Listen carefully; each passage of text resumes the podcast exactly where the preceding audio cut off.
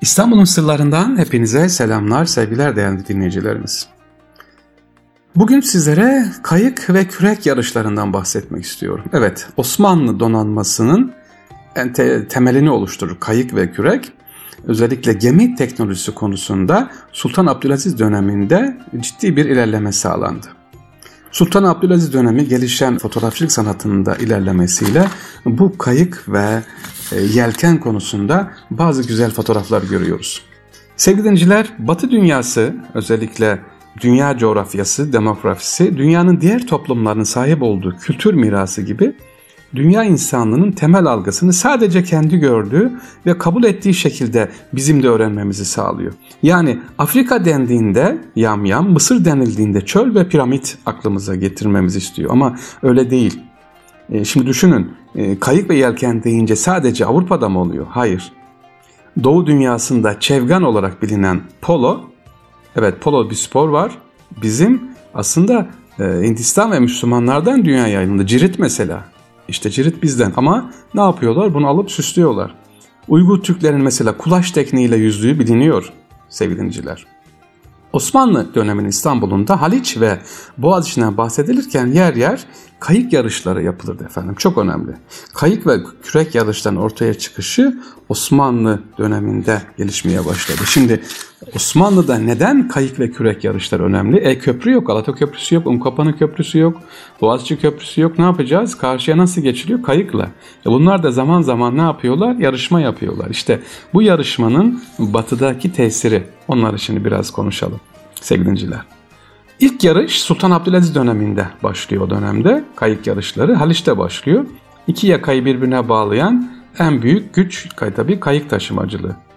Üsküdar ile Eminönü, Bahçekapı ve Tophane kayıkçıları, kayıkçılar Ketkütası vasıtasıyla o dönemki onların başı olan ve Haliç'te başlatılıyor efendim. Şimdi Haliç'te ve Boğaz'da kayık yarışları yapılıyor. Haliç'te hadi neyse kolay da Boğaz'da kayık ve yelken yarışı çok zordu. Niye? Boğaz akıntılı. Özellikle şeytan akıntısı var, maskara akıntısı var, e, Rumelihisar akıntısı var oradaki. Bu akıntılar arasında kayık yarışı yapmak yani tekrar Tophane'ye dönüp gelebilmek büyük bir maharet istiyor o dönemde e, sevgili dinciler. İşte bunlarla ilgili yarışlar var yapılırmış Osmanlı döneminde İstanbul'unda. İstanbul'da bu arada dinleyelim şuna çok dikkat edelim altını çiziyorum. Kayıkçı sayısı 10 bin. İstanbul'da yani Haliç'te düşünün Üsküdar, Eminönü, Haliç oralarda Kasımpaşa işte Ahırkapı taraflarında 10 bin adet kayıkçımız var varmış efendim. Bu kayıkçıların da tabii en büyük eğlencesi şehzadelerin dünyaya gelişleri, düğünler ve zafer kutlamalarında yaptıkları alaylar, e, bahar ve yaz aylarında yaptıkları şenlikler. Sultan II. Abdülhamit Han dönemine geldiğimiz zaman Boğaziçi ve Hadic'in hakimi yine kayıklar. Hala köprü yok. 19. sonu 20. yüzyılın başında artık e, yavaş yavaş köprüleri başlayınca yapılmaya Galata ile birlikte biraz kayıkçıların sayısı yavaş yavaş azalıyor. E, ama bunların en önemli özelliği tekrar ediyorum e, yarışmada İstanbul halkına gösterdikleri sadece gidip gelip aa yarış yaptık değil orada gösterdikleri sunumlar yelkenlerin üzerindeki resimler yazılar kendi yaptıkları şovlar, kürek kullanış şekilleri İstanbul halkını ee, bunlara o gün AYTT bayram gibi insanlar gidip kayık yarışlarını izliyorlar. Yelken yarışlarını İstanbul'da izliyorlar. Bir şölen havasında geçiyor. Bahar aylarında özellikle Mayıs-Haziran'da yapılıyor bu kayıklar. İstanbul'da tabii en büyük yarış 1869'da Büyükada'da düzenlenmiş. Büyükada'da bir müsabaka yani yarışma kuruluyor. Bu müsabakalar devlet eliyle bir gösteri olmak için Osmanlı'nın desteğiyle yapıldığı için çok büyük ses getirmiş. E, İstanbul'da özellikle Üsküdarlı Mehmet Pehlivan uzun yıllar elinde efendim bu yarışmalarda birinci gelmiş. Üsküdarlı Mehmet Pehlivan. E, o çok önemli. Yine Yeniçeri kökenli olan Ortalı Hacı Hasan Ağa'nın bahçe kapılı bir kayıkçı olarak yaptıkları yarış çok önemli. Şimdi bu kayıkçılar dedim ama bir şey anlatacağım. Bu yarışmanın amacı ne diyeceksiniz? Hocam İstanbul'un sırlarında İstanbul'da kayık yarışlarını anlatıyorsunuz. Yelken yarışlarını anlatıyorsunuz. Haliç'te güzelmiş, Boğaz'da güzelmiş. İyi güzel bir şenlik havası. İstanbul neşeleniyor. Boğaz neşeleniyor. Ama bir diğer faydası da şu. Bu yarışlarda esas amaç yangına kim hızlı gidecek? Ne yangını mı? İstanbul'un maalesef neyle meşhurdu? Yangınları da vardı değil mi? Haliç'te çıkan ya da Kasımpaşa'da bir çıkan yangın aşağı doğru iniyor, Sütücü'ye kadar iniyordu. E, Cibali'de çıkan bir yangın Fatih'e doğru geliyordu. İşte kayıkçılar denizden en hızlı kim giderse, kim tulumbacıları götürürse, en hızlı kim yangına ulaşırsa bunlar başarılı sayıyorlardı. Aynı zamanda yangına ulaşma tatbikatıdı bu yarışlar. Yani bir aferin almak, bir ödül almak değil, aynı zamanda yangına çıkacak yangına nasıl ulaşabiliriz? İstanbul'da bahçe kapı kayıkçılarının yangın olduğunda istenen taraflara kayıklar vasıtasıyla tabii yardımlar gidecek, oradan eşyalar taşınacak.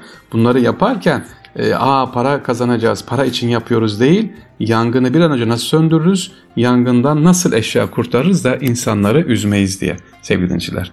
İstanbul'un sırlarında bugün sizlere kayık yarışlarını anlattık. Amacının sadece yarış olmayıp sevgili e, insanlara yardım olduğunu, yangın tatbikatı olduğunu da aktarmış olduk. Abdülaziz ve Abdülhamit Han dönemi İstanbul'da çok önemli. İstanbul'da tabii çeşitli şenlikler var. Onları daha sonra anlatırız. Mesire şenlikleri, kağıthane şenlikleri, Elguvan şenlikleri ama bir şenlikte demek ki neymiş? Kayık yarışmalarıymış efendim. Sevgili dinciler amaç ne? Bunlarda dediğim gibi bir yangın tatbikı bir de bir araya gelmek, sosyalleşmek. Şimdi tabii pandemi dönemindeyiz, evlere kapandık. Bu yarışlar nerede? Müzelere gidemiyoruz. Ee, bazen bana diyorlar hocam sen anlatıyorsun tele, radyoda da diyorlar iyi güzel biz gidemiyoruz içimizde ukde kalıyor. Sen müze anlattın geçen hafta gittim aradım müze kapalıymış pandemi döneminde. Kısıldık kaldık. Bunlar geçici sevgili dinleyicilerimiz. İnşallah geçecek. Osmanlı döneminde de oldu veba salgınları, kolera salgınları oldu. Günlerce değil aylarca kapalı kaldı. Sokaklar ceset oldu. Tabii Hindistan'ın yaşadığı, şu anda yaşadığını İstanbul bir dönem yaşadı. Sokaklarda ceset alınamadı bir gün iki gün. Hemen top saha sonra tabii e, padişahın da izniyle e, kuvvetli bir şekilde ki kuruldu gitti. Biz de yaşadık ama geçti. Önemli olan acıyı unutmak değil sevgili dinleyiciler. Evet bunu tekrar ediyorum. Acıyı bir an önce unutmak. Bakın o İstanbul için söylüyorum. Tüm Türkiye ne yaptık bayramda kapandık. Aman açıldı hemen koşturduk saldırdık.